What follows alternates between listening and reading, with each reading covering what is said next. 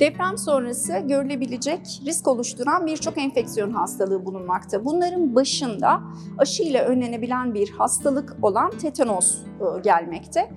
Tetanos, Clostridium tetani dediğimiz bir bakterinin e, sebep olduğu ezilmelerle, e, kesici delici yaralanmalarla ortaya çıkabilecek, özellikle deprem yaralanmaları sonrasında ciddi risk oluşturabilecek bir enfeksiyon etkeni. Hastanın mümkünse aşı öyküsünün sorgulanması gerekmekte ama böyle bir e, deprem anında ya da sonrasında hasta bu durumu hatırlamayabilir. Böyle bir durumda hastaya hemen aşı yapıp, tetanos aşısını yapıp gerekli durumlarda da tetanos immunoglobulini ile aşının desteklenmesi önem arz etmekte.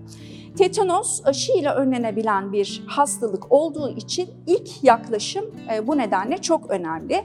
E, tetanos sonrasında yara yeri enfeksiyonları da yine e, sıklıkla karşımıza çıkabilen e, önemli enfeksiyonlardan bir tanesi.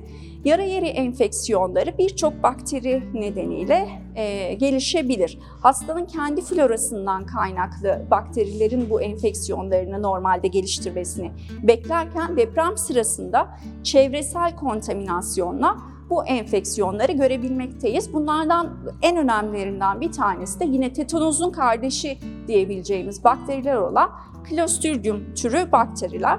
Bunlar da ciddi hayatı tehdit eden enfeksiyonlara sebep olabilirler. Hem ekstremite e, kayıplarına hem de e, oluşturdukları doku nekrozu ve sonrasında gelişebilecek sepsis nedeniyle e, hayatın kaybedilmesine sebep olabilir. Bu nedenle bu enfeksiyonlar açısından da hastaların iyi değerlendirilmesi, e, gerekli durumlarda da hızlıca cerrahi müdahalenin ve antibiyotik tedavisinin verilmesi e, gündemde olmalı.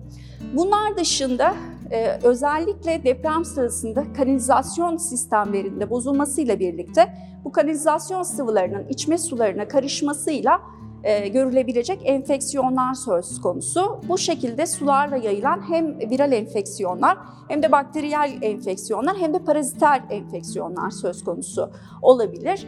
Ancak özellikle şu an maalesef e, Suriye'de de duyduğumuz kolera vakaları bulunmakta. Özellikle kolera e, hızlı yayılabilmesi açısından ciddi risk oluşturmakta. Bu nedenle mümkünse deprem bölgesindeki e, vatandaşlarımızın kapalı sular tüketmeleri eğer mümkün değilse musluk sularına her 1 litreye maksimum 2 ya da 3 damla olacak şekilde çamaşır suyu ekleyerek ve bir süre bu suları dinlendirerek suları dezenfekte ettikten sonra kullanmaları önemli. Bunlar dışında yine solunum yolu enfeksiyonları özellikle hava koşullarına e, bağlı olarak ya da e, eğer immün yetmezlik durumları söz konusuysa özellikle çevresel kontaminasyonlarla gelişebilecek enfeksiyonlar olarak karşımıza çıkmakta.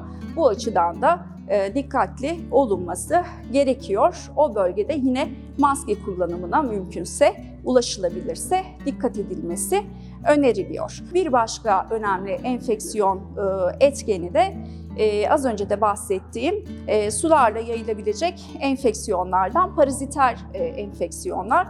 Özellikle yaz aylarında e, oluşabilecek e, depremler sonrasında bunlar ciddi sorun e, oluşturabiliyor.